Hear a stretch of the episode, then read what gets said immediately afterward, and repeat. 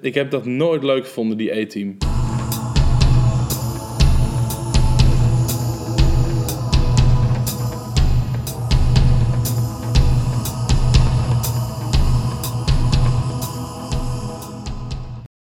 Welkom bij weer een nieuwe aflevering. En Waarvan? Van onze podcast. Ja, maar hoe heet die? Dat, dat moet je erbij de- van de, de podcast Wat Nou? Dat moet. Dat moet. En Ehm, traditiegetrouw eh, openen wij natuurlijk met, eh, met wat wij vandaag aan het drinken zijn. En het is vandaag een bijzondere dag. Want wij drinken namelijk geen wijn vandaag. Want we hadden allebei geen wijn in huis.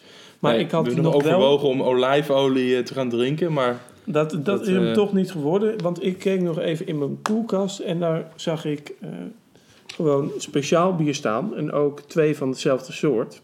En die hebben we uitgekozen. En dat gaat om. Nou, niet uitgekozen, dat was er nog. Dat was er nog. Dat was ah, ja, inderdaad de enige optie. Er stond nog één ding in mijn koelkast, die hebben we uitgekozen.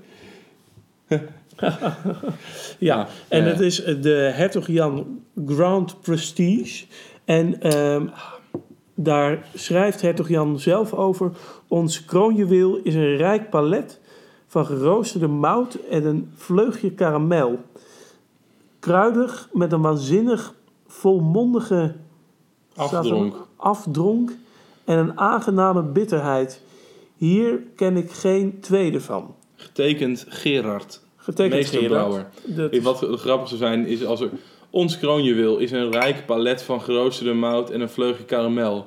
Dit biertje is gewoon een donker, donker vies. Ja, is echt Dat ze dus helemaal dit niet bedoelen. Smerig Dat ze dus bier. ons kroonjuweel, dat ze het over een ander biertje hebben. ja, nou, Ja. en, eh, hier- we gaan hier dus ook een cijfer over geven. Misschien is het überhaupt wel leuker om het ook... eh, oh, kut, die microfoon die, die dondert uit elkaar. Om het iets meer open te laten, dat je ook gewoon andere drankjes kan doen, dacht ik me. Waarom zou je committeren aan wijn? Waarom zou je zo in hokjes denken? Ja, inderdaad. Die neiging heb jij sowieso wel veel.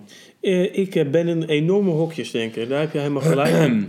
En ehm, Oh ja, wat ik ook nog even Ja. zeggen, ehm, voor aan het begin, de jingle, die eh, jullie nu een beetje aan gewend zijn. Dit is de derde keer dat jullie hem horen. Ehm, wel helemaal aan gehecht aan natuurlijk. gehecht. Er is kans, want ik ben nu in, eh, in gesprek met een eh, professionele DJ. Eh, dat is Afrojack. En die wil eventueel voor ons een nieuwe jingle maken. Met epische opkomst en, en epic drop. ja. Ehm, ja, en hij, hij komt ook langs in Hij komt podcast eh, 35, hè? Hij komt langs in podcast 35 en hij treedt ook op eh, volgend weekend in, eh, wat was het nou, Rome volgens mij. Dus Rome. De- mocht ja. je denken van, eh, ja, ik, ik, ik vind dat een leuke stad, dan kun je daar misschien een wat over opzoeken. Ja, is, is er voor, voor de rest ook qua cultuur en qua musea. Romeinen. en, Colosseum ja, ja, ja, exact. is een ontzettend leuk. Nee, maar er is een andere DJ die iets minder bekend is dan Afrojack, die misschien een, een, een iets meer profi jingle wil maken. Eh, dus die gaat er waarschijnlijk komen. Maar we zullen, ik, ik beloof dat er elementen van de oude jingle dan sowieso in blijven zitten. Hè, dat is eruit. Ja. Nou ja, laten we dan maar beginnen. Laten we dan maar beginnen. Maar echt beginnen. Want ik... eh, dat is eigenlijk eh, vandaag nog gebeurd. Ik was op mijn computer bezig. En ik Ja. was bezig met gewoon een tekst schrijven in Microsoft Word. En dan heb je die... eh, dan heb je als je op bestand klikt, dan kun je hem opslaan. Ja, En eh, in datzelfde scherm zag ik ineens eh, ook feedback staan. En ik was benieuwd Ja. wat, daar, wat daar stond. ja, En daar zag ik opeens. ehm, dus de. eh, er was dus een, een soort portaal om gewoon feedback te geven. ja, En dat was in drie categorieën eh, gedeeld. Als je ergens tevreden over was, als je ergens ontevreden was, over was, of als je gewoon een suggestie had. ja, Maar het ging mij met name om op de manier waarop je je feedback in kon zenden. Want dat ging dus met emoticons. En Ja. als je tevreden was, Ja, met smileys. Kon, kon je een, kon je een glimlach sturen. En Ja. als je ergens ontevreden was, over was, dan kon je stuur eh Dan kon je dus een frons sturen naar eh, Microsoft Windows. Dus als je enorm veel moeite had met de uitleiding in een eh schuin gedraaid tabeldocument en je wil dat dat wordt veranderd, dan kun je dus een frons sturen. En dan, dan wordt het wel aangepast. Want dan eh denken ze, oh ja, oh een frons. Nou, dan, nou ja, dan gaan we ermee bezig. ik dacht toen echt van, wat is dit toch... en ik erg me er zo aan, omdat, kijk, wij zijn gewoon eh, volwassen mensen. Ik eh, koop gewoon een product Nou. van jou. En w- je behandelt me gewoon alsof ik een debiel ben. Ja, Kijk, ik, ik- dat is toch niet... eh, dat is toch geen manier om met je klanten te, in conversatie te gaan? Om dan stuur een glimlach of stuur een frons. Van alsof je Ja. echt gewoon met kinderen, eh, kinderen van Met- vijf, met zes baby's gewoon. Ja, gewoon echt gewoon alsof je dus een debiel bent. En ik heb dus eh, eh, een eh, frons gestuurd naar Microsoft met Hmm. maar meer een soort meta-frons. me- Metafrons. Ik heb... Meta. Meta. ik, ik heb toen, ik heb toen de, ik ben Lekker dat bier wel bericht. trouwens. Ja, hè? Ja. ik vond het ook wel lekker bier. Ik vond het, eh, ik ben toen dat, eh, dat eh, tekstje begonnen met deze frontsturende volwassen man moet toch iets van het hart. Toen heb ik toch een klein beetje gerend. Ik heb het, ik heb het netjes gehouden, Ja. zeker. Ik heb gewoon gezegd van waarom behandelen jullie me als een kind van drie? En kijk, Nou, Microsoft, legitiem punt. Microsoft is, eh, is ook niet het enige voorbeeld. Nee, want maar wij- je hebt, Dat ja. gezegd hebbende, Word is wel echt een griebus programma. En wat ik dus ironisch vind, is dat Word zelf er gewoon lijkt gemaakt voor enorme eh, experts. Het is totaal, ik vind het totaal niet gebruiksvriendelijk. Maar dan met het feedback geven wordt alles zo erg versimpeld dat er en sowieso informatie verloren gaat. Want wat heb je aan een frons? Je kan ook gewoon zeggen, stuur feedback. Of Ja. je zegt gewoon, Ja, ik heb ook tik aan wat, positief, negatief. Dan komt het ook op zo'n Ja. stapeltje terecht. inderdaad. Het voegt niets toe. Het is niet alsof mensen dat niet zouden begrijpen. Het is ook niet als ik. Kijk, ik, en ik frons ook niet. Ik vind het gewoon. Soms echt ben ik gewoon echt. Vooral bij software merk je gewoon met zoiets als, als Word dat mensen niet fronsen, maar gewoon, eh, gewoon hun computer in elkaar willen trappen. Gewoon. Snap je? Nee, echt in elkaar. Maak daar maar een emoticon van. Ja, ja Maar- inderdaad. Het is inderdaad wat je zegt, het is niet het enige bedrijf, want ik heb iets soortgelijks meegemaakt eh, pas geleden. Eh, want toen kreeg ik van de Rabobank een, een, een mailtje. En dat was op zich een heel lief mailtje. En dat was voor studenten bedoeld. Eh, want ik heb volgens mij nog een studentenrekening, of ik sta, oh ja, studentenrekeninghouders. Het bericht was het volgende, ik lees het even voor, het is niet heel lang. Het, de titel was Chillum met Blendel. En, dan, en, en dus eh, chill en dan eh, ja, zo'n apostrof M. ja, dus Chillum. Chillum. Dus, dus ja, Chillum. Met Blendel. Beste student. Heb je tijd over om lekker te ontspannen? Vraagteken. Speciaal voor studenten die klant zijn bij onze bank... eh, hebben wij iets tofs. Als je een studentenpakket hebt... krijg je een maand lang cadeau Blendel voor nop. Die zin klopt volgens mij ook niet. Dan zeg je toch... krijg je een maand lang Blendel cadeau. cadeau blendel voor nop. Nu Nee, staat er, krijg je een maand, Maand lang lang cadeau, cadeau. Blendel voor nop. Nou, dat is een Die hele rare niet. Maar. Blendel voor nop. ja. Heb je hier nog geen gebruik van gemaakt? Dit is ook al, eh, als, als je dus de zin leest, je, je, je mag hier, eh, je krijgt dit. En dan daarna de vraag, heb je hier nog geen gebruik van gemaakt? Nee, ja, anders dan het volgt helemaal niet uit die zin hiervoor. Maar goed, heb je hier nog geen gebruik van gemaakt? Regel het met een klik en je leest een maand de beste artikelen van meer dan 120 kranten en tijdschriften. Helemaal chill, toch? Desiree Verdaasdonk, directeur. Ja, alsof, alsof Desiree dat het stukje tekst even heeft getypt. Ja, Van en toen heb ik iets teruggestuurd. Ik weet niet of ik dit helemaal ga voorlezen. Ik denk het niet. Ah, Maar- doe maar hoor.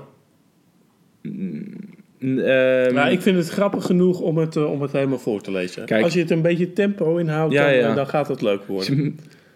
als, je een beetje, als je nu een beetje opschiet, dan, eh, dan wordt het nog wat. Ja. Nee, maar ik moet wel bijzeggen dat, het, eh, dat ik wel echt gewoon heel chagrijnig was toen. Ik heb teruggestuurd, helemaal chill en top. Blendel voor nul doekoe, yo yo. Ehm, ik vraag me echt af of jullie denken dat dit jongeren en met name studenten aanspreekt. Ik begin me er steeds meer aan te ergeren dat ik als een baby slash mongool word aangesproken. Omdat ik een student ben en daardoor structureel niet serieus genomen word. Ik hoop dat jullie hier eens over na willen denken en eventueel willen veranderen. Tenzij, tenzij jullie gesjeesde marketeer natuurlijk denkt dat dit voor de meerderheid van de studenten werkt. Daar wil ik het zo nog wel even over hebben. Verder wel fijn hoor, gratis Blendel. Maar ik vraag me af of een bank zich op deze manier. Op, dat een, of een bank eh, op deze manier klanten aan zich moet binden. Jullie kunnen beter geld en energie steken in jullie afschuwelijke app. Wat echt zo is. Gewoon iedereen, die app is gewoon helemaal de grond ingebrand. En die zo'n bank lijkt niet te beseffen dat een app. Je zou natuurlijk zeggen, wat boeit zo'n app? Maar er zijn, ik ken gewoon mensen die zijn overgestapt van de bank. omdat de app beter was bij een andere bank. Dat is gewoon. Ja. Maar goed, dat lijkt zo'n bank niet te beseffen.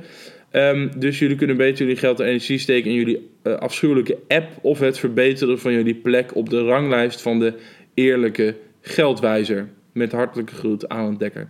En de geld, eerlijk geldwijzer is gewoon zo'n eh, zo'n website. Kun je op allemaal verschillende punten zien hoe eh, duurzaam, maatschappelijk betrokken, et cetera, et cetera, waar de bank in investeert. Kun je Ja. zijn allemaal is een soort heel rapport opgesteld. Zie je welke bank het beste doet.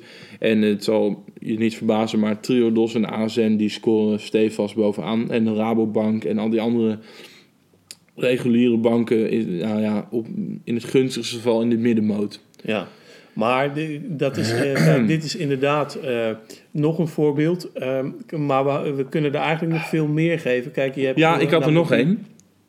Ja, jij ook? Ja, bijvoorbeeld, eh, die, je hebt die, bijvoorbeeld die pakketten van bol.com. Ah ja. Die ja. dan, waarvan je dan, en dat is een, misschien net iets anders, maar dan, Ja. daar staat zo'n pakket dan, die krijg je van, en dan staat er op dat pakketje zo, hier ben ik dan, maak mij open. Ja, zo van dat, dat, dat ik denk, maar ik ben toch geen debiel, jongens. Ja, en ook alsof eh, je zo episch bent over een pakket. Het is Ja. gewoon een pakket, je weet niet...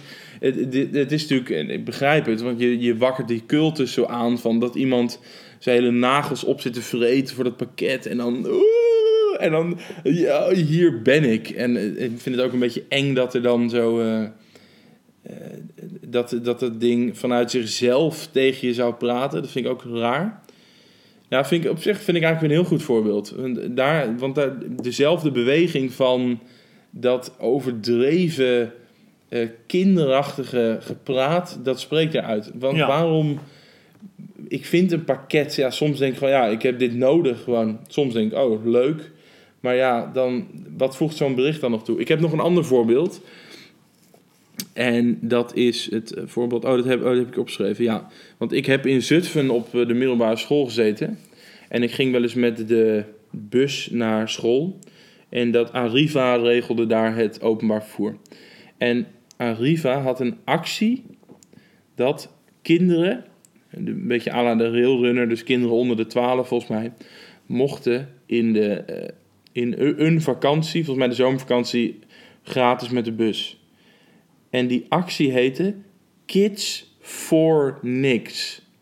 Kids for Niks. Nou, als je dit zo opleest, denk je, oh, is gewoon een zin. Nee, het werd gespeld Kids, K-I-D-S, 4, dus voor, N-I-X, niks. Ik, dan denk ik echt van, kijk, ten eerste praten kinderen niet zo. De, wat volwassenen denken hoe kinderen praten, klopt haast nooit. nee. Als je bijvoorbeeld kijkt naar Spangas, daarin zie je ook, kijk, dat, is, een, eh, echt dat niet... Is een, eh, dat is een, eh, ja, een dat is een serie voor kinderen. Op, serie eh, voor kinderen en dat, die gaat over een middelbare school. Ja, Het probleem is alleen, omdat dat door de NPO is gemaakt en door volwassenen is geregisseerd, heeft dat meer het karakter van een basisschool. Want daar gaan mensen gaan, die worden gepest en die zeggen dan, nee, dat vind ik niet fijn. Of dan ga Ja. ik, het is ook een ding dat zo'n meisje gaat dan eh, iets met, voor cavia's opkomen en dat soort dingen. Kijk, op een middelbare school gebeuren gewoon lompe dingen, wordt grof gescholden. ehm, zijn mensen gewoon veel lomper, harder, eh, viezer en gewoon qua, qua hoe ze doen dan uit die serie blijkt. En, en dat vond ik daar ook weer echt zo sprekend uit, zo'n kids voor niks. Ja. Kinderen praten niet zo. En al zouden ze zo praten, ehm, en je zou ze daarmee aanspreken, wat dus absoluut niet zo is, iedereen, ieder kind prikt daar doorheen, dan leer je kinderen gewoon verkeerde taal aan. En hetzelfde heb ik bijvoorbeeld met.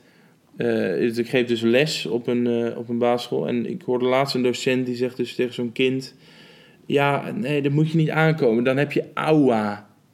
Dan, of dan heb je auw.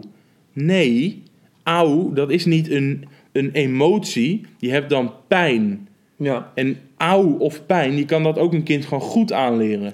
maar En dan zeg je auw, maar dan Ja. heb je niet auw. Ja. Je hebt dan pijn. Wat- waarom zou je de kinderen verkeerd aanleren? En, en wij hebben eigenlijk nog het meest eh, schrijnende voorbeeld. Daar eh, denk ik nu ineens aan. Dat is, eh, Oh, dat is natuurlijk onze Spar. eigen Spar University. Ja. Met echt Ja. de meest... Nou, kijk, ik, eh, ik, ik mag het niet zeggen in de podcast. eh, maar het is echt een ziekteverwekkende eh, term. Dat is namelijk... of echt, het- Ik zeg het niet, maar ik zeg het toch. ja, nou ja, ik plant het gewoon in jullie hoofd, zodat ik, ik want ik ben er daar echt zo boos over. Die, die, daar komt de, de zinsnede, ehm, nog geen 18, even no smoke. Maar het klopt ook nog. Godverdomme jongens, nog geen 18, Even no smoke. Oh, Oh, wat oh. verschrikkelijk. En eh, even kijken, ik zoek het meer even bij, want er stonden nog meer dingen, dingen bij. Ja, ah, Vice heeft het hier ook nog over gehad. maar, dit, maar ook... Ik ga dit ook linken.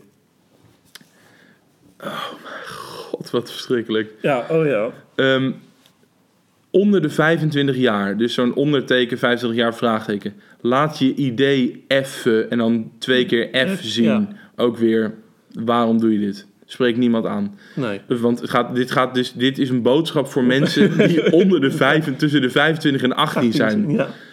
Eh, dan de volgende boodschap. Onder de 18 jaar. Dan nog even no smoke. En? En of alcohol voor jou. Ik vind dat echt. oh, maar dit is. Dit is, is het nou. Dit werd ook echt wel gewoon door iedereen gewoon kapot gemaakt. Maar de, kijk, maar jatten. oh mijn god. en dan J-A-T-T-U-H met een vraagteken. Nee, maar het wordt nog erger. Ja, maken wij even een melding. at de Ed, de- dus een, een, een eh, apenstaartje. Ja, at de decaan. En dan decaan met een K. Dus Ja, dan. Maar dan die begrijp ik gewoon niet. nou, ik, Wat, ik wat zou- denk je dat? Is gewoon verkeerd gespeld. Van straattaal. Dus Ja. C wordt een K. Dus Ja, kennelijk. En waar, ik zou niet weten waarom als je een eh, product eh, steelt bij de Spar University, waarom je decaan dat dan zo moeten weten. Ja, ja, precies. Je zou beter gewoon de politie kunnen bellen. Ja. De- de- moet je voor je voorstellen dat jij daar een zak chips eh, steelt, dat je in je kraag wordt gevat en dat Dus, zij... leg me even terug. Eh, dat je mag zij eh, gaan. een magazijn innemen en dat zij even de decaan even...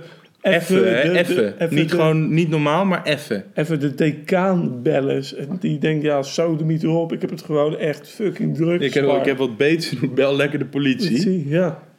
Nou, dat is, al, dat is inderdaad dan nog... ehm, Nou, maar ik vind dit wel en eh, echt... de- dus oei, dit zie je me nu een poster van, maar dit hebben we echt gezien. Want dit hangt er bij de eh, Spar. Ik, ik denk dat volgens mij hangt het er nu niet meer, maar je hebt nog wel schrijnende teksten hoor. Van eh, maandag, komma, bijna weekend. En Met zo'n met zo'n knipoog smiley erachteraan. Zo, Ja, van- ja, klopt. Maar op een, ik bedoel, ik wil nu niet als een enorme eh snop doen. Maar ik bedoel, het is wel een universiteit. In de zin van, kijk, je hoeft dan maandag bijna weekend. Yo, yeah, yeah, weekend. Van, ik bedoel, we zijn niet gewoon debiel. Zo, ja, Ja. dat inderdaad klopt. En Ja. de beweging, om hierop aan te haken, de beweging is dat supermarkten uit een soort krampachtigheid dingen gaan doen om maar mensen aan zich te binden. Of kijk, ik hoef, ik wil bij die supermarkt. Kijk, ik verwacht niet van die supermarkt om leuke tekstjes te zien. Nee. Ik wil daar gewoon mijn eten kopen. En ik vind dat daar niet episch daarbinnen. Ze draaien ook altijd van die enorme, heftige house muziek. En waarvan ik ook denk van, kijk, maar het is niet dat het dan... Kijk, je kan sommige dingen hoef je niet leuker te maken. Ja. Hetzelfde ja, heb ik ja. bij de kapper. Ik, en ik begrijp dat er ook markt voor is voor andere dingen. Maar je hebt nu heel vaak zo- zo'n barbier en dan word je geknipt door zo'n halve crimineel met tattoos die je dan voor 100 euro met, krijg je een glas whisky en word je geknipt. Ja. Ehm, Nou ja, maar goed. dat, is- dat, is, Een kijk, dat is meer nee. persoonlijke voorkeur, denk ik. Nou, Want daar nee, kiezen nee, we ook maar- wel echt om naartoe te gaan. ja, maar nou, het, het gaat ook wel meer die kant op. Bij een reguliere kapper krijg je ook vaak, staat een koffieautomaat te loeien. Eh, gaat die vrouw helemaal, ja, hoe, hoe is het met je? Ja, wil je lekker dit? Heb je nog wat dit? En dan moet je uitleggen, ja, ik studeer filosofie. Wat is dat? Is dan de vraag. En dat is niet dat ik, echt niet dat ik het niet wil uitleggen of dat ik neerkijk. Maar dat is gewoon heel lastig. Ik wil naar de kapper en dan wil ik gewoon daar zo snel mogelijk weg, geknipt. Ja. En dan doe dan gewoon 2 euro goedkoper. Hou die koffieautomaat weg. Gewoon Spartaans naar de kapper. Oké. Daarom bevalt bijvoorbeeld de Aldi mij ook zoals supermarkt. Gewoon, kijk, ik kom daar voor mijn boodschappen. Ik begrijp waar je vandaan komt. Je hoeft niet je te verontschuldigen dat je het zelf van een pallet af moet trekken. Ik snap het. Ja. De kapper, ik snap het. Hou je mond, geen koffie. Ik, wil, Ja. ik ben hier niet voor de leuk. Maar, maar kunnen, wij, wel. kunnen, wij, kunnen wij aangeven het- waarom wij dit zo ergelijk vinden bij... Nou, dat de- hebben we bij al die- 10 minuten gedaan, toch? Ja, nou ja, het, het is... eh, Kijk, eh, het Ja, is natuurlijk eh, wel van, van... Je wordt gewoon als een kind aangesproken. Maar het is ook... Het, het Ja. is gewoon... Je wordt, Ja, ja. Dat voor mijn gevoel, word ik gewoon niet serieus genomen. Ik, Nee. ik, ik heb gewoon het idee alsof die mensen denken... Nou ja, je hebt echt... Ja. Kijk, dat is een student, dat is, Ja, gewoon- die is gewoon kind, 22, ja, die is 22 gewoon- jaar en die is bezig met, eh, met eh, zuipen, met, eh, met seks hebben. En, Ja. en die, die is gewoon helemaal in één profiel en die vindt... En, en verder die niets. vindt- verder en die- is gewoon, dat is, dat is de, de matrix. Ja, maar, maar die, die, ze zien mij ook voor me alsof ik dan mijn telefoon oppak en dat ik dan in Even- straattaal even mijn... eh, jatten. Yo, decaan, Ed, yo. De Decananu, dat is eh, misschien de, de straatalterm. Ja. Maar het, ja, kijk, het is gewoon Decanusu. van... Het, je doet gewoon alsof mensen van 22 jaar... alsof dat gewoon echt randdebielen zijn. En ik vind het ook wel een, een, een, een slechte houding als je gewoon kijkt. Kijk, mensen op, op hogescholen, op universiteiten, trouwens ook op, eh, op mbo's, Nou ja, vakopleidingen, gewoon overal. Ja, Eh, dat zijn gewoon mensen die in de toekomst gewoon allemaal dingen gaan doen die, die we allemaal wel best belangrijk vinden. ja. Ehm, en als je dus zo'n, op zo'n badinerende, irritante manier... Kijk, en dat betekent ook niet dat wij heel zuur zijn en de hele dag eh, alleen maar boeken lezen en nooit leuke dingen doen. Maar wat die mensen, die marketeer van de Spar denkt dat wij leuk vinden, vinden we niet leuk. We praten niet zo met elkaar. Het betekent niet dat je saai bent. Het betekent gewoon dat je gewoon achterlijk bent als je Ja. dat denkt. Eh, Ik, ik zou zelfs... ehm, eh, ik zou zelfs zeggen, en dat is misschien nu iets te inhoudelijk op de Spar zelf... dat dat concept dat ze hebben best wel slecht is. Ja, Omdat ik denk, als jij gewoon echt een supermarkt hebt met gewoon eh, allemaal... de, de- gewoon als een normale supermarkt. gewoon goede producten. ja, Gewoon een, een duidelijk wel. concept. Kijk, dan kan je het ietsje schoen- duurder maken. Ja. Maar, maar dat is... eh, de- de- nu heb je allemaal van die rare vakken met... met maar dan gaan we misschien te inhoudelijk. Maar het, het is gewoon... eh, Ja, het gaat om van- de beweging.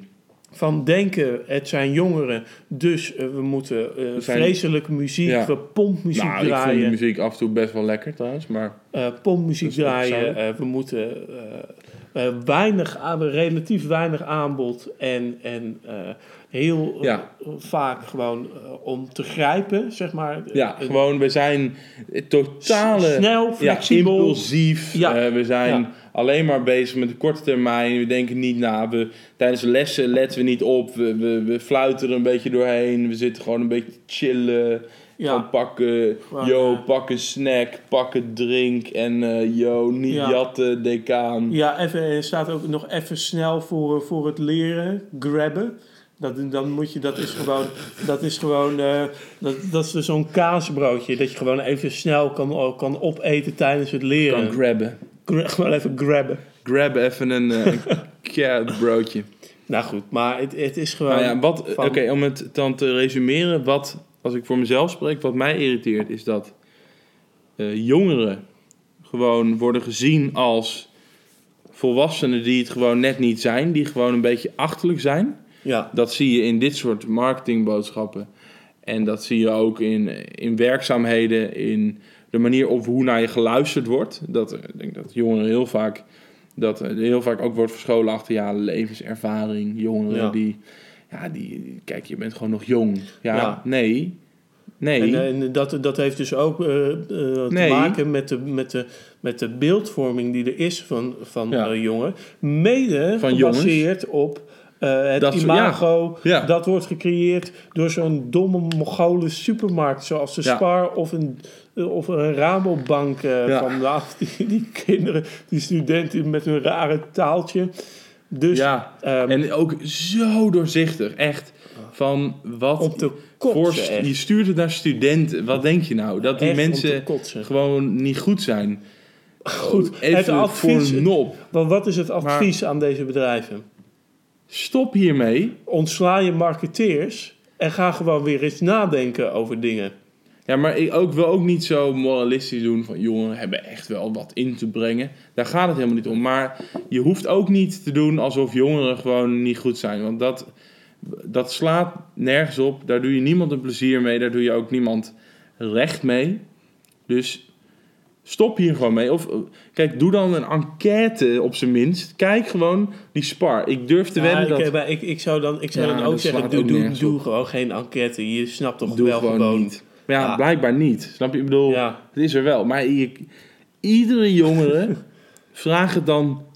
Vraag het de, je kinderen dan, als je daar op dat kantoor zit.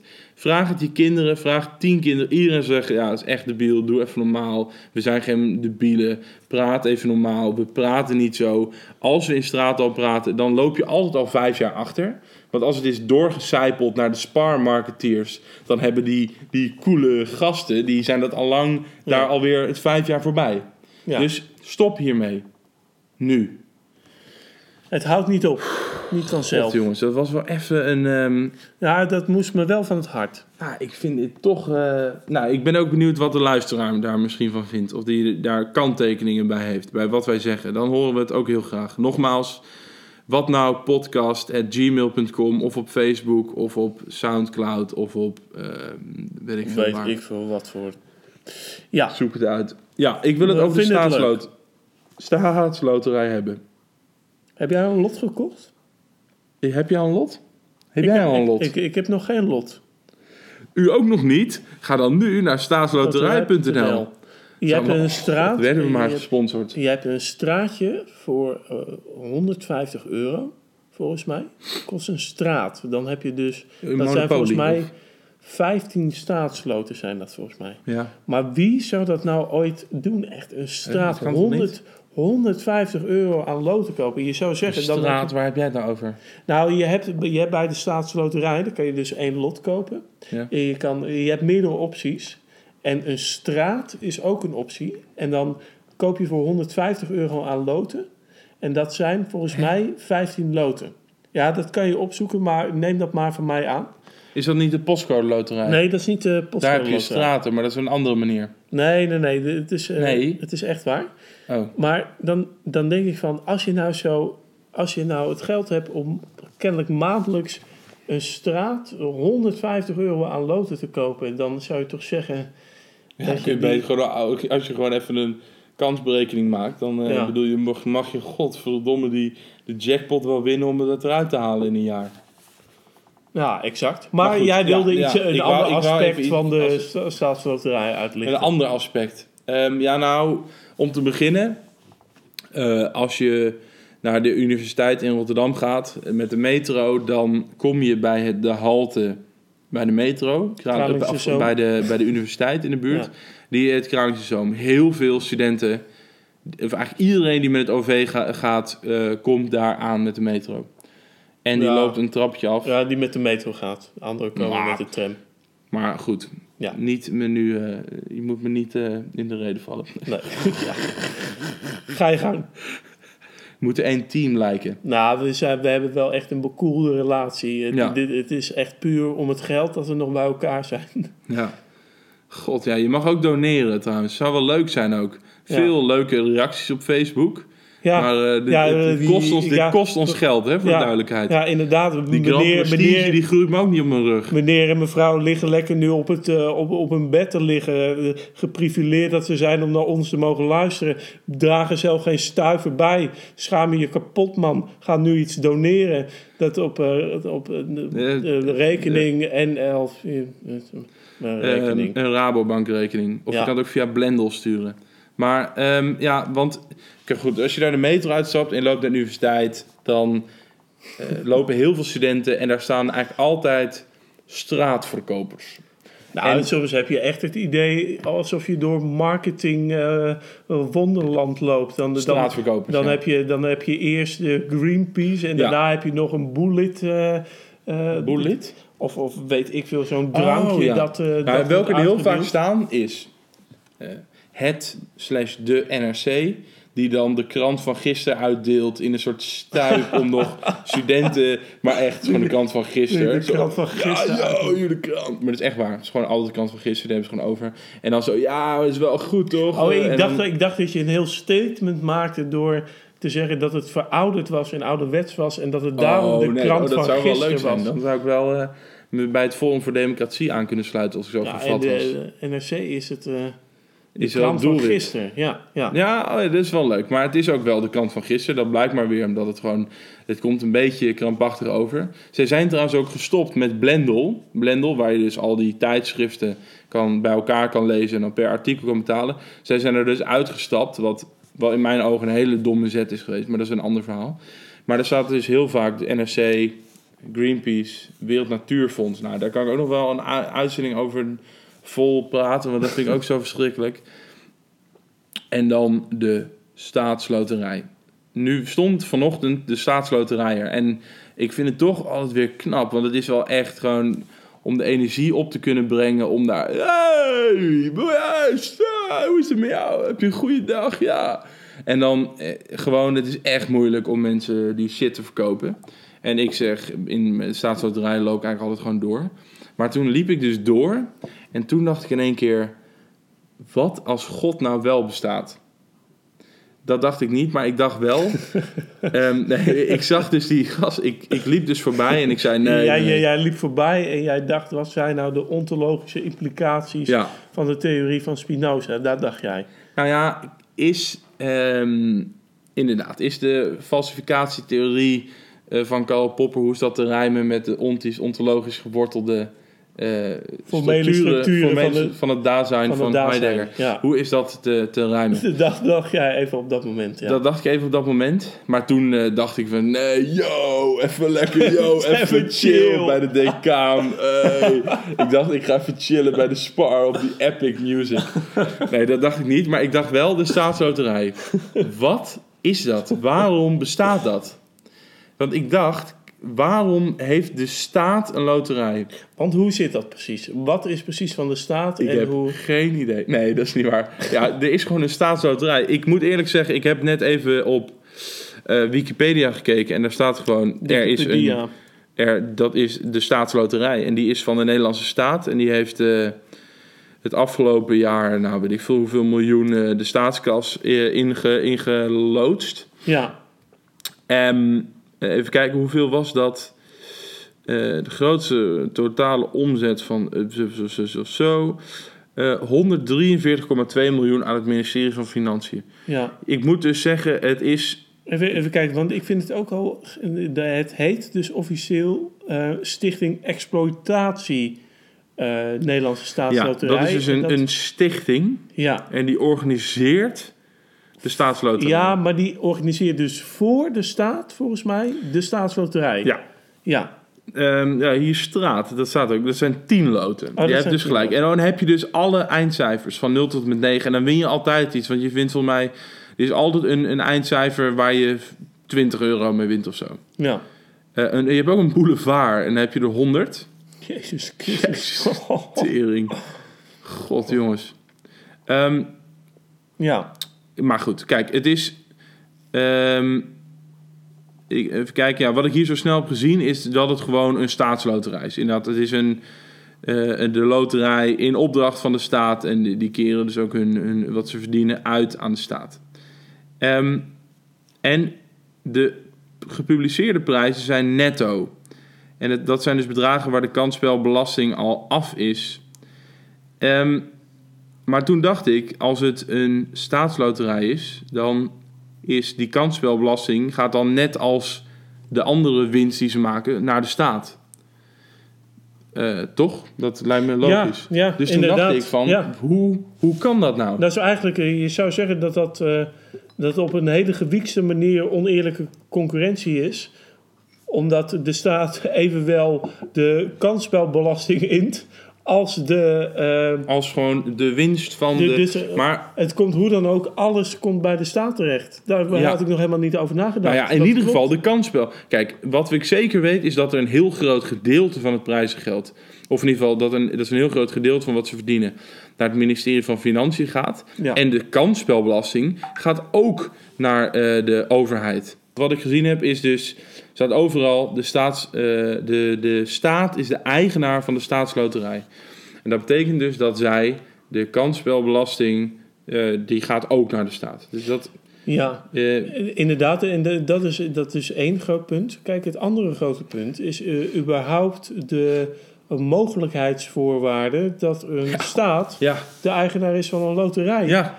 Dat is eigenlijk ook Ik, echt... ik ben niet heel. Ik ben op zich niet enorm ehm, rechts in de zin van dat ik vind dat, dat we de abs of de anarchistisch in de zin dat we de allerkleinste overheid mogelijk eh, moeten hebben. Maar ik zou zeggen, nou, een loterij vind ik nou niet zo, zozeer iets wat een staat moet hebben. Dat vind ik juist iets waar een staat eh, over moet. Over moet waken dat dat goed gebeurt en dat Ja. dat binnen de regels gebeurt. En ik zou zeggen dat juist een kansspelbelasting er is. Net als een, een accijns op roken is kansspelbelasting er volgens mij ook toch om te ontmoedigen. Misschien. Eh, de kansspelbelasting... is, maar nee, daar nee, zou- nee, de kansspelbelasting is voor de bedrijven zelf. Die moeten die betalen. Dus, dus dat komt... eh, Nee, nee, nee, nee. Helemaal niet. Als je bij een prijs wint bij de, ehm, eh, via de, een, een, een, een, een, een normale loterij, dan moet je daar kansspelbelasting nog over betalen. Dus als je 10.000 euro wint, krijg je er 7 of zo. Aha, oké. En waar zou dat nou voor zijn? Ik heb geen idee, maar ik zou wel zeggen, als daar al belasting over geheven wordt, dan zou je zeggen, dan is dat dus iets waar we. Oh nee, dan zou het accijns zijn. Ja, maar, maar het is denk ik geen ontmoedigingsbeleid. Het is Nee, gewoon een nou, dat- iets dat klopt gewoon hogere belasting, omdat, ik omdat het niet of het gewoon, hoger eh, is omdat het gewoon eh, Gewoon natuurlijk geld verdienen. Ja, en het is, het, nou, het is niet gokken. Het is net niet gokken, maar Ja, ja, juridisch gezien is dat, is dat lastig. een maar, loterij is toch, wat, wat, is daar niet gok aan? Je gokt op een cijfer Nou, kijk- en dan heb je wel of niet. Als, als een Uh, fruitautomaat letterlijk, gezien, is, le- letterlijk gezien is, natuurlijk, is het natuurlijk gokken. Want je koopt gewoon een, eh, een lot en eh, er gaat Ja. een, immens grote roulette tafel eh, is aan het werk en dan komt er een cijfer uit. Ja, Maar ze zien het precies toch. gokken. Maar inderdaad, in de meest letterlijke zin is het gewoon gokken. Maar volgens de wet is een loterij organiseren iets anders dan een eh, online of, Ja. of een casino hebben. Nou ja, maar het is allebei een kansspel. Het is En- wel een kansspel. Dus dat Ja. maakt het toch gokken dan? Toch hetzelfde? kansspel is toch gokken? Ja, ik, ik kan misschien in de war zijn met, met online eh, casino's. En, dat denk eh, ik ja. Want, dat- ik- want, nee, dat- toch- want gokken mag gewoon. Nee, ik ben, ja, ja. Ehm, alleen, het- nee, dan ben ik in de war. Dan is wat ik net zei niet... eh, maar de vraag is, blijft nog steeds: waarom in vredesnaam heeft de overheid is eigenaar van een kansspel? Ja, nou ja, Los kijk, van eh, geld verdienen heb ik, kan ik me niet een andere reden bedenken. Nou ja, de, eh, het is, dit is waarschijnlijk zoiets dat al heel lang zo is geweest. Ja. En dat er dan geen echte impuls was om Ja. dat ineens niet meer te doen. Nou, En dan- sterker nog, er is een prikkel om het te blijven behouden, namelijk dat het heel veel geld oplevert. Dat was, wat was het, 140 miljoen in een jaar. Jeroen. Jeroen, even Nee, kijken. Ja, het was 100, 143 Ja, weet je hoeveel dat is? Ja, dat is hartstikke veel. In Maar- 2009, 143 miljoen euro. Ieder, ieder jaar is het ruim 100 miljoen euro wat ze binnenharken. Ja, maar en eh, trouwens, en dan hebben we het alleen nog maar over, de, eh, over het, over het ehm, wat ze afdroegen aan het ministerie van Financiën. Er was eh, 21,9 miljoen winst. Wow. Wow, what the fuck. Kijk, dus de omzet is 889 miljoen. Dat is duidelijk Mhm. eh, hoe, hoe dat werkt. Ehm, daarvan is 12,9 miljoen winst. Nou, dan zou je zeggen, dus dat is de verhouding tussen wat je, als je een loterij hebt, overhoudt en wat je betaalt. Dus een, een laten we zeggen, een reguliere loterij zou dus van die 900 miljoen omzet eh 12 miljoen overhouden. Maar de, de, de staat kreeg ook nog even 143,2 miljoen eh, aan andere dingen. Ja, Eh, en ik, ik kan dat, want het gaat ook over 2009. En daar, dat moet dus ook zijn eh, een deel kansspelbelasting. ja. Want dat is minimaal Ja. 15% van haar omzet. Dus de overheid verdient ruim 10 keer zoveel aan dezelfde omzet als een, als een reguliere loterij zou verdienen. Ja, inderdaad. Nou ja, en, en dat lijkt me en oneerlijke concurrentie en het argument dat een, een overheid zich natuurlijk uh, uh, überhaupt niet een loterij moet hebben. Denk ik gewoon dat eigenlijk de enige conclusie is: je moet gewoon dit, dit bedrijf verkopen, deze infrastructuur verkopen. Nou, gewoon ermee stoppen. Ik bedoel, waarom Ja. verkopen? Je stopt er gewoon mee. Zeg gewoon, we bestaan niet meer. Nou, prima. Toch? Geen Ja. enkel punt, lijkt me. Ja, ja. Of, d- of ik zien we nu weer iets over het hoofd? Nou ja, ik, ik zie geen enkele reden waarom dit. dat al eh, gebeurd is. ik, ik Het zie gebeurt aan een lopende band dat we allemaal dingen over het hoofd zien. nee, maar dit, dit is gewoon van ja. Tuurlijk. En de staatsloterij is natuurlijk ook niet eh, eh, vrij van opspraak gebleven. Nee.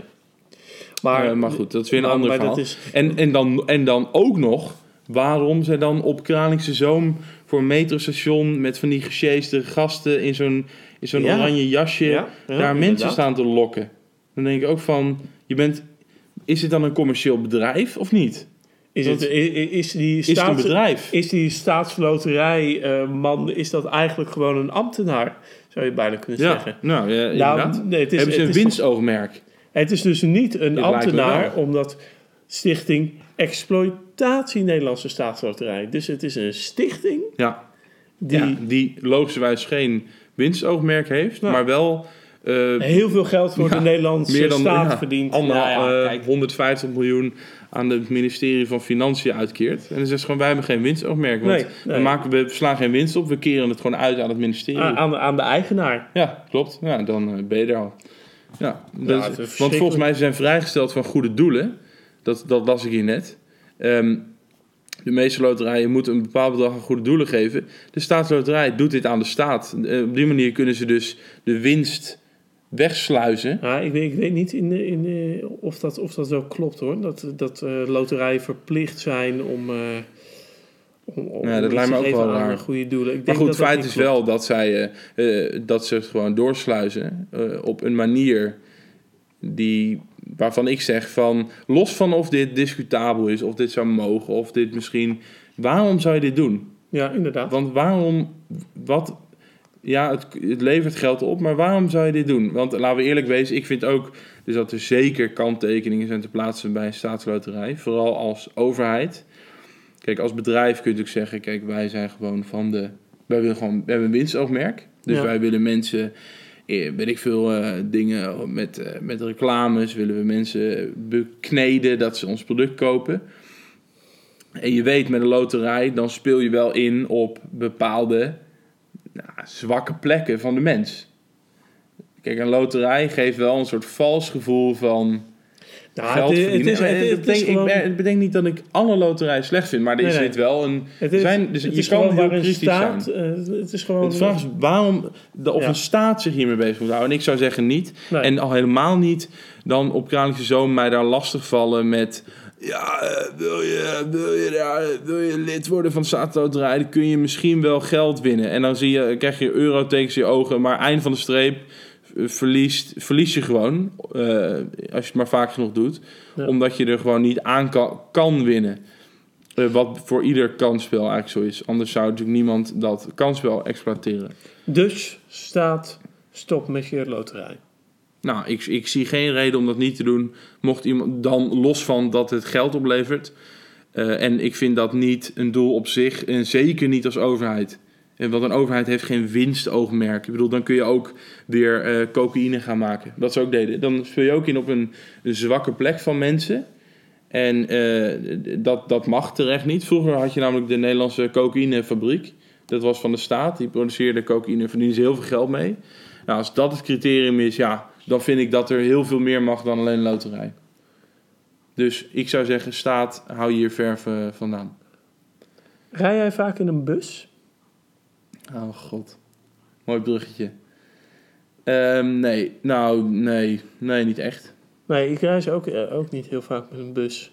Maar dat is, eh, ik, ik vind met een bus rijden, reizen. Kijk, ik, ik vind, je hebt eh, die klassieke OV-vervoersmiddelen, trein, metro, Tram en bus. tram.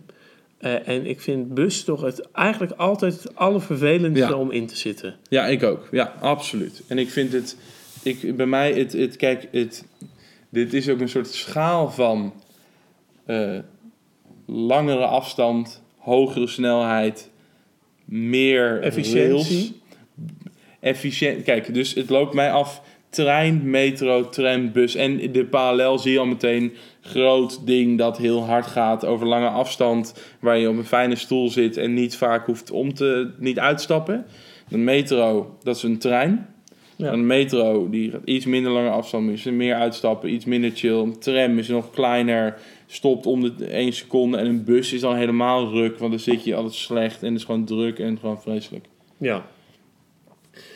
Maar waarom we dit onderwerp aansnijden, is toch eh, ja, het, het, eigenlijk het grote nieuws Van de afgelopen tijd. van, nou ja, dat wel het top 3 nieuws, denk ik.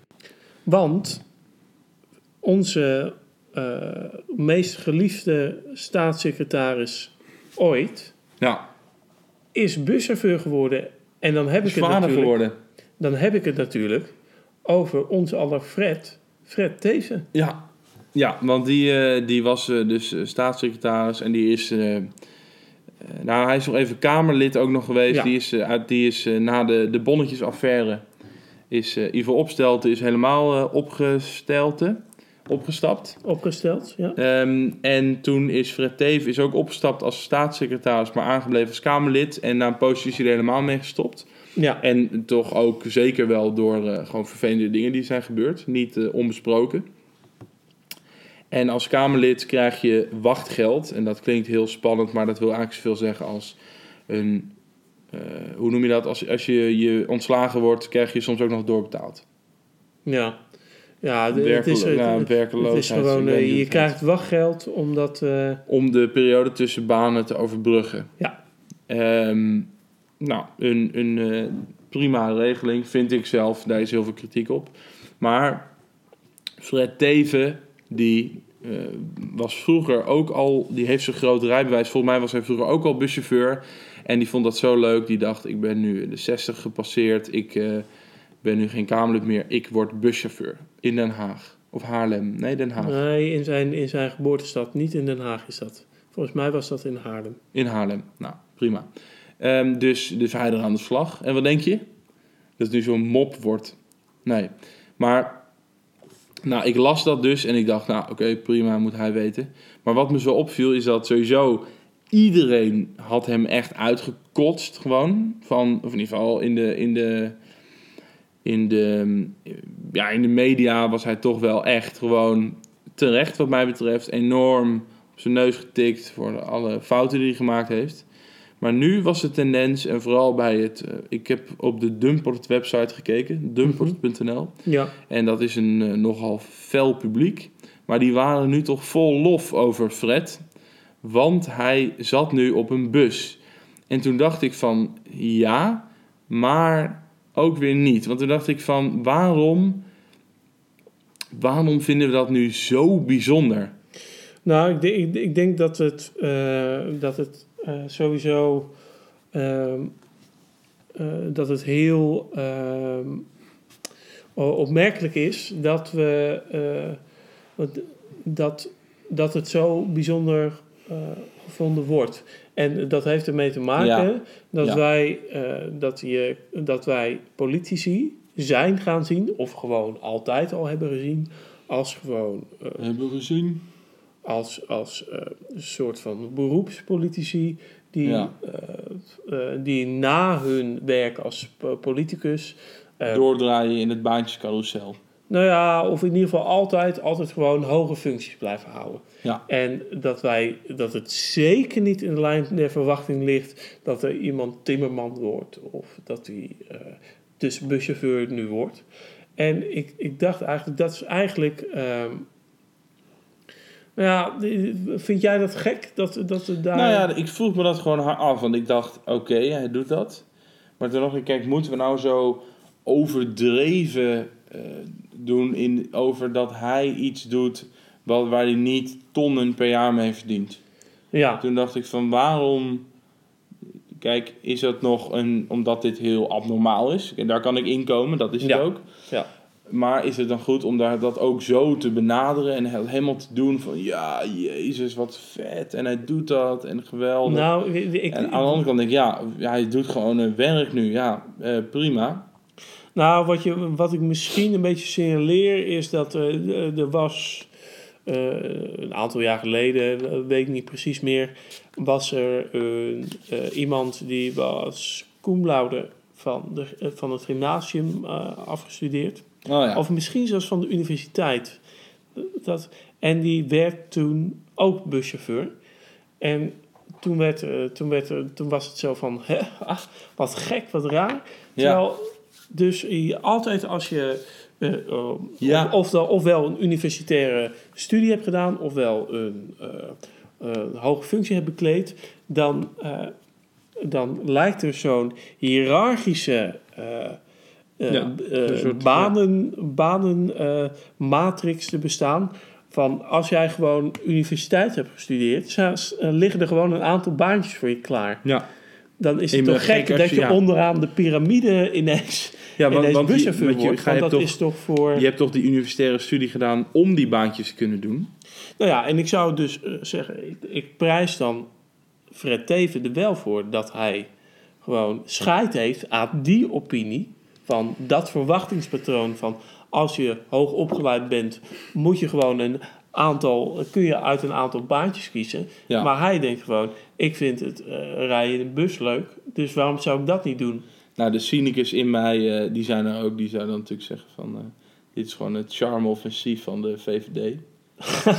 Die, hebben, die hebben met een mes op de keel ja. eh, Fred Teven gedwongen om buschauffeur ga te worden. godverdomme niet zo'n pauperbaan doen. Ik wil gewoon eh, de topfunctie in de zorg. Jongen, Fred, als je dit nou doet, jongen, wij geven je een nieuwe BMW. Je mag met Mark drie weken naar, naar Mallorca. Ga nou die bus in. Dit levert ons weer die, die, die benodigde zetels op. Nee, dat denk ik ook niet. Maar ik, ik, ik, wat, nou ja, het is ook niet dat ik hier heel veel over te zeggen heb. Maar ik zag het gewoon. En toen dacht ik van... Waarom doen we daar nou zo over alsof dat zo bijzonder is? Ja. Want, en toen dacht ik, ik begrijp het wel, want de denkbeweging is natuurlijk dat, eh, is heel hiërarchisch. Namelijk, ehm, als je iets doet wat, het is, dat is nobel of zo, om iets te doen wat onder je capaciteit ligt. We zien natuurlijk, eh, denken staat boven doen. Dus als je een, eh, enorm slim bent, dus je hebt enorm veel denkvermogen en je doet iets waarbij je gewoon alleen maar eh, praktische vaardigheden nodig hebt, dan zien we dat als nobel, omdat je eigenlijk een stapje terugneemt. En, en, het is bijna een soort opoffering je, Ja. voor de goede zaak. En, en Ja. die beweging stoort me, dat stoort me al langer. En over die, die cum laude op, op, een- op een school, daarvan zie je ook dat het feit dat daar al zo over gesproken wordt, laat het ook wel zien. Want ook met bijvoorbeeld een CITO-toets, Ja, dan zie je dus dat die kinderen, dan is het zo. eh, terwijl de CITO is ooit bedacht, denk ik, om een zo objectief mogelijke manier van meten te zijn. Om te Ja. kijken op, op, tot op welke hoogte je een kind cognitief sterk is en niet sterk. En we zien dat als goed en niet goed. ja. Want als een, dat de NOS komt. Zo, jij hebt dus de maximale score op de CITO. Wow, en wat vinden je klasgenoten ervan?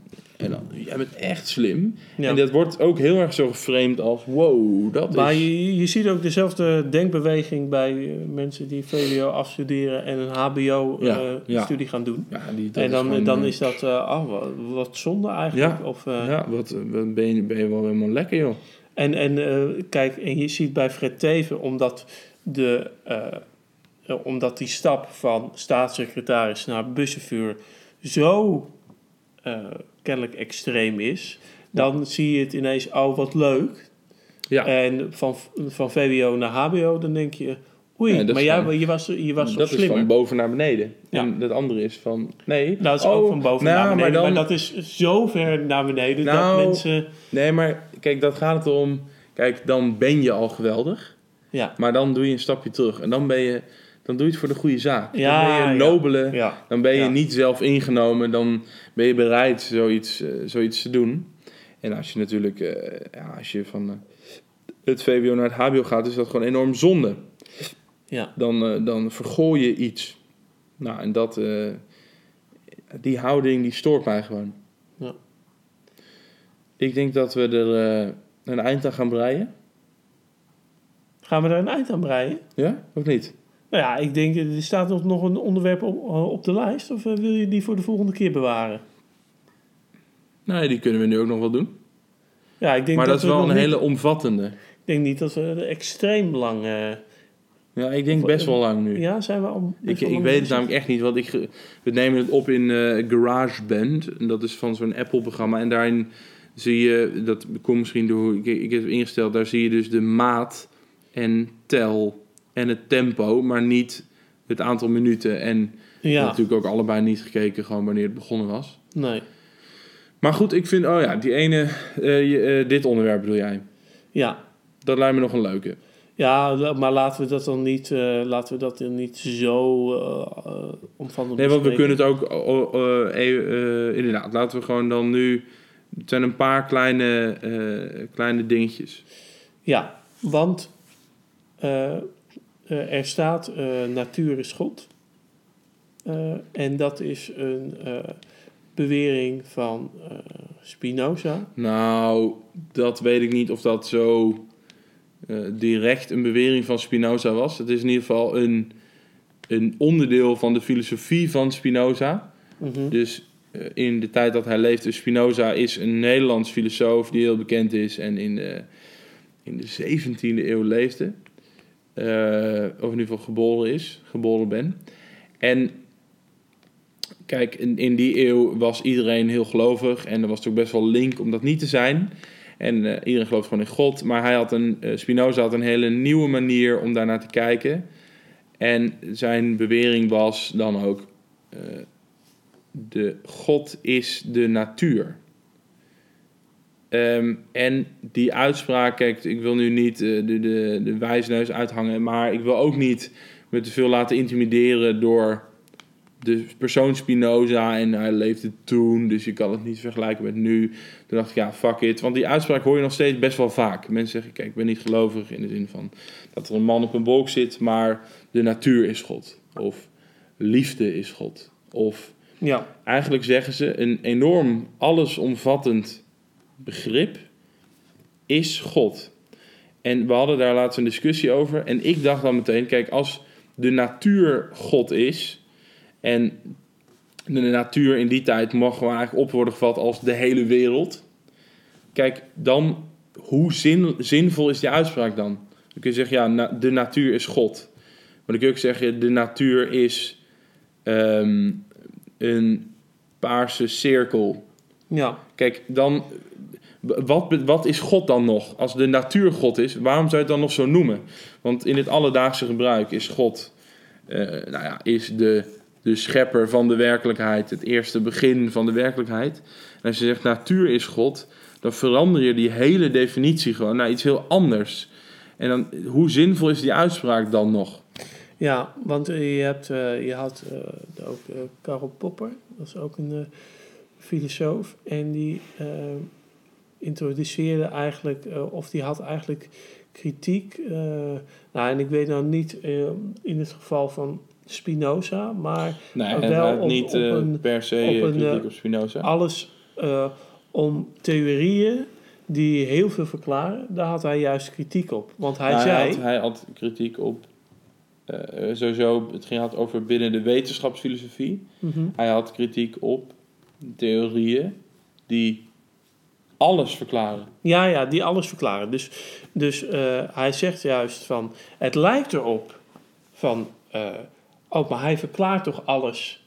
Dus, dus het is... eh, Supergoeie theorie. Het is Ja, een hoe meer een theorie. theorie verklaart, hoe beter, zou je zeggen. Maar eh, je krijgt, eh, dat is juist de zwakte van die theorie. Want hij verklaart daadwerkelijk alles. Dus ook tegenstrijdige Ja, theorieën kan hij verklaren. Ja, met en- dezelfde logica en, en dezelfde denkwijze. en dat noemt Popper dus...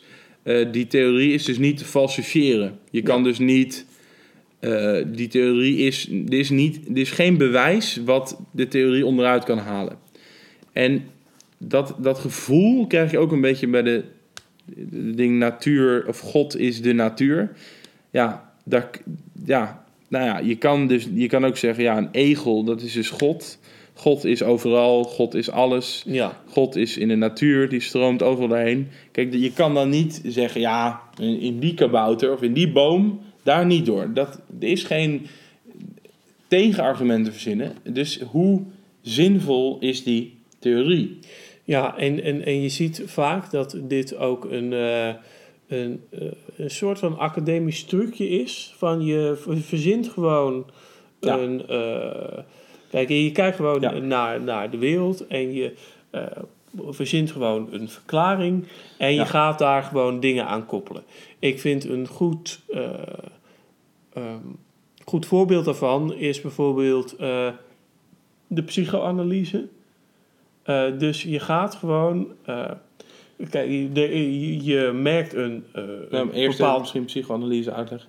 Nou, psychoanalyse is gewoon dat jij gedrag dat mensen vertonen in hun, gewoon in hun leven, dat je dat kan eh, reduceren tot dingen die gebeurd zijn in het eh, kindertijd. verleden, in de kindertijd, ja. Ja, dus alles is te herleiden, komt voort uit bepaalde dingen die in je kindertijd zijn gebeurd. Ja, maar het, het probleem daarmee is natuurlijk dat als je eh, kennis hebt over die kindertijd en kennis hebt over eh, wat die persoon eh, op dat moment doet en hoe hij zich gedraagt, dan kun je altijd zeggen van, oh, maar jij bent gewelddadig nu, omdat jij in het verleden Je vader in... ooit je vader, je, eh, je broer hebt. eh, nou goed, dat is zijn. Ja, en, en, en je kan dus, als iemand dus zegt... Nee, maar die psychoanalyse, dat is gewoon onzin. Dat, daar klopt helemaal niets van. Dan kan de psychoanalyticus kan dus zeggen... Nee, maar kijk, dat je het nu onzin vindt... ja, Dat komt dus omdat je vroeger je moeder je alleen liet als boodschap ging doen. En daarom durf je nu niet, et cetera, et cetera. Dus die theorie, die, is, die kan met geen mogelijkheid een bewijs vinden... wat, eh, wat die theorie onderuit haalt. Wat die theorie kan falsifiëren. Ja. ja, inderdaad. En, en, en om dan nog, kijk, psychoanalyse, dat is natuurlijk eh, een hele. het, eh, dat ver- veronderstelt ook een bepaalde voorspelbaarheid, een Ja. bepaalde gedetermineerdheid. Ja. Want alles wat je in de, in, de kinderfase is gebeurd, dat verklaart namelijk eh, toekomstige gedragingen. Ja, En eh, om het dan niets tegen in te brengen. om, eh, en ik, eh, het is ook een soort, het is echt zo'n academisch trucje. En ik vind ook dat eh, Thierry eh, Baudet, en dat is, eh, ik merk dat hij toch vaak eh, Zit je nou in, kritiek in de uit podcast eh, terechtkomt. Maar eh, bijvoorbeeld, hij, hij heeft eh, dan eh, de. eh, eh, hij zegt dan, eh, wedergeboorte is gewoon eh, eh, Ja. de drijvende factor, zou je kunnen zeggen, van de Ja. westerse traditie. Ja. Eh, wij kunnen gewoon altijd Ja. Onszelf heruitvinden. De, Ja, eh, we nemen goede dingen mee, en we en vinden de- onszelf weer uit. En we, we, we, we, we, we, keren dus weer terug naar het verleden. We pakken daar de goede dingen weer van op. Ja. Continu. En hij begint gewoon bij Dus die net als de stelling. renaissance. Hij begint gewoon bij die stelling. En hij pakt gewoon alle dingen die, die daar goed eh, Ja. bij passen. Dat vertel, eh, vertelt hij in een verhaal. Eh, in een goed lopend verhaal. Maar ook nog... Ja. verder nog is, er- is ook niet alles wat niet zo goed past in zijn verhaal... is ook indirect weer een Ja. bevestiging van zijn verhaal. Want Ja. dan kan hij gewoon zeggen... Ja, ja, dat nemen we niet mee. dat nemen we niet. Dat was een slechte. Dat was slecht Ja. op dat moment. dat, eh, dus dat- dat, dat is hebben we achterwege gelaten. We Dat hebben onszelf heruitgevonden. traditie. Ja, en op, op die manier lijkt het net of die westerse traditie dus hartstikke superieur is aan iedereen. En zichzelf altijd opnieuw uitvindt. En, en gewoon eh, het beste van het beste is. Maar ook wat het voornaamste is, dat de westerse traditie altijd de westerse traditie blijft. Ja. Er is niet Er is Eh, geen... Er is, nou ja... Kijk, als je gewoon aan cherrypicking doet in die hele... In die hele eh, in die hele traditie, dan, dan kun je natuurlijk wel wat veranderen. Dan zeg je gewoon alles wat slecht is geweest, dat is niet westers. Ja, maar Dat- hij, dat hij koppelt dat, ja, maar hij koppelt dat direct weer aan de westerse traditie. Ja, dus tuurlijk, wat er- want dat is westers om het zo westers. te zien. Maar dat, dat, het, het, het, punt gaat er dan om dat je gewoon eh, de hele tijd dingen gaat verklaren eh, die gewoon eh, waarvan je weet dat ze niet eh, te falsifiëren zijn. Dus, dus is op, op zijn betoog is geen enkel weerwoord te Nee. geven. Nou ja, er is wel, maar dan kan hij zeggen, ja, maar dat, dat, eh, dat nemen we dus niet mee. Of, Nee. ja, nee, maar dat, eh, dat, dat, is niet, dat is iets van nu, dat hoort niet in de westerse traditie, dat is, hoort niet bij de wedergeboorte. En er zijn veel meer voorbeelden. Ander voorbeeld, eh, wat, wat misschien leuk is om nog even te geven, is het voorbeeld van, ehm, eh, even kijken, wat hadden we nou? Ja, Body Logics, zo heb ik het opgeschreven.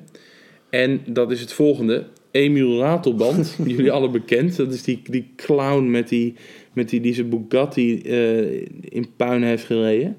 En die ook af en toe weer opduikt met een van een raar verhaal om, om weer lezingen te kunnen geven. Of dat hij weer zijn vrouw heeft geslagen en mishandeld. Eh, dat kan natuurlijk ook. Ehm, die had, heeft nu een nieuw boek. En die, die, eh, ja, die, die is toch wel lekker aan het freestylen. En die Ja. begeeft zich toch wel. Die, die, ja, die, eh, die gaat zich nu gewoon ook inmengen in, eh, binnen de filosofie en de psychologie. En eigenlijk iedere andere wetenschappelijke gebied. Mhm. Want meneer heeft een nieuwe theorie. En dat, die theorie van hem heet Body Logics. En die theorie is niets meer of minder dan fysiognomie. En fysiognomie is de wetenschap die eigenlijk niet meer bestaat, vroeger wel, dat je aan iemands uiterlijke kenmerken, dus bijvoorbeeld vroeger dachten mensen dat je aan de grootte van iemands schedel kon meten hoe slim hij was. Of dat je bijvoorbeeld kan meten hoe vriendelijk iemand is Ja. aan de Ja. vorm van zijn lichaam. Of aan de vorm van de handen, hoe handig hij is. Of, eh, Ja. Nou, en, en eh Emil Ratelband heeft daar dus een theorie over bedacht. En dat, wat dus precies dat is. En daarin, ja, ik kan niet anders zeggen, stort hij gewoon allemaal aannames aan die eigenlijk werkelijk waar nergens op slaan. Hij heeft het over de vorm van iemands gezicht, hoe empathisch die is. Dat mensen met een donkere huidskleur zouden minder empathisch zijn omdat hun huid minder zon doorlaat. En allemaal is het gewoon uit de lucht gegrepen onzin eigenlijk. mhm. Ik kan het niet anders zeggen. Ehm, of wat ik ook grappig vond, is dat hij dus zegt: eh, mensen met een, met een vierkant gezicht, die zijn dan heel agressief. Of nog erger was, eh, als je een lange nek hebt, dan is de afstand tussen je hoofd en je hart relatief groot. Wat dus betekent dat je moeite hebt om je gevoel te uiten. Ja. En dat is, ja, dat, ik hoop dat iedereen die dat luistert, dat begrijpt dat dat gewoon klinkklare onzin is. Maar dat is wel een theorie waar je gewoon niet zo bijster veel tegen in kan brengen. Zonder dat Emiratenband kan zeggen ja. Maar, Maar dat het is duidelijk ja, dat jij nu zo zit te zeiken komt omdat je handen, dat je pink eh, langer is dan weet ik veel. Ja, gewoon, hij kan gewoon dit, hij kan gewoon bazelen. En ja, je, toch wel, alles is gewoon Alles te je- relateren aan, aan jouw eh, lichamelijke kenmerken. alles wat je zegt kun je dus reduceren tot hoe je eruit ziet. Ja, en ik denk dat dat een, eh, wat jij net zegt, reduceren, dat dat een groot kenmerk is bij, bij al die theorieën. Dat dus het altijd eh, Alles is dus alles te is te reduceren leren tot, tot, één grondbeginsel, één ding. En dat is eh, en dat principe. En dat Daar juist, en dat principe kan je niet onbewijzen. Nee, dat, Kan dat je niet principe zelf kun je niet Kan je aanvallen. niet falsifiëren. Dus dat principe zelf niet. Je kan wel alle uitwerkingen van het principe kun je aanvallen. Alleen dan kan de verdediger kan dan zeggen ja, maar het principe zelf klopt wel. Dus emulatorband, je kan natuurlijk zeggen, kijk, wat jij zegt, Emiel, klopt niet. Je hebt ook donkere mensen die wel empathisch zijn. En dan kan hij zeggen, ja, kijk, dat jij dat zo ziet, dat komt gewoon omdat je schil kijkt en weet ik veel. Dus wat, wat ik net eigenlijk al zei. En dat is wel een, een Ja, en eh, ja, lastig aan al deze theorieën. En dat maakt ze ook wel, in mijn ogen, ook nog wel potentieel nou, gevaarlijk, wil ik niet zeggen, maar wel. Eh, je moet wel heel voorzichtig zijn met theorieën die je op geen Ja. enkele manier kan falsifiëren. En, met is- name die is- cherrypicking is, is dan, is dan, eh, is Cherrypicking. is, is dan, is dan Hey. wel een, een grote factor. Je dat je dus, ja, cherrypicking, ja, ik vind hem wel leuk. Je Dat mag je, ook lachen hoor. maar dat je, dat je gewoon, Nee. eh, dat het die mensen in staat stelt, die mensen, maar dat het mensen in staat stelt om gewoon eh, een vrij heftige claim te maken en daar niet eh, heel Nee, veel je kan er niet, meer, nee, je eh, kan niet op het matje geroepen worden. Je Nee. kan gewoon zeggen, ja, dit is gewoon, dit is gewoon hij- is. En laat me De bewijslast is nu bij ons dan. Van, bewijs jij dan dat het niet zo is? Ik En- heb en hier een hele dus niet. theorie. En wel even kanttekening. Kijk, die theorie van Popper is eh, ook eh, nou, in ieder geval grotendeels achterhaald. In de zin, je hebt bijvoorbeeld de evolutietheorie. Mhm. Dat is een theorie die ook eigenlijk heel moeilijk te falsifiëren is. Ehm, overigens wel te falsifiëren. Ehm nou goed, dat zou weer een hele andere discussie worden. Daar is ook wel enorm veel overtuigend bewijs voor. Wat bijvoorbeeld niet zo is voor psychoanalyse en body logics, et cetera. Ja, goed, maar, maar kijk. eh, La- nee, maar ik bedoel, het is, we zijn niet blind eh Nee, wij zijn, wij zijn geen uh, Popperiaans. Popperiaan. We zijn geen Popperiaans. Goed, we gaan er Nou, een eind aan breien, ja, jongens. Ben er bedankt helemaal voor, klaar mee. Ja, bedankt voor het kijken. Ik moet fucking nodig plassen, dus dat ga ik nu doen. ja. En tot je één ziens. seconde wacht, dan Ja. kunnen we nog even de drank recenseren. Oh ja, wat geef jij het speciaal biertje? Ehm 7,5. Eh, ik ook een 7,5. Oké, dan wil ik jullie bedanken voor het luisteren. Hoi.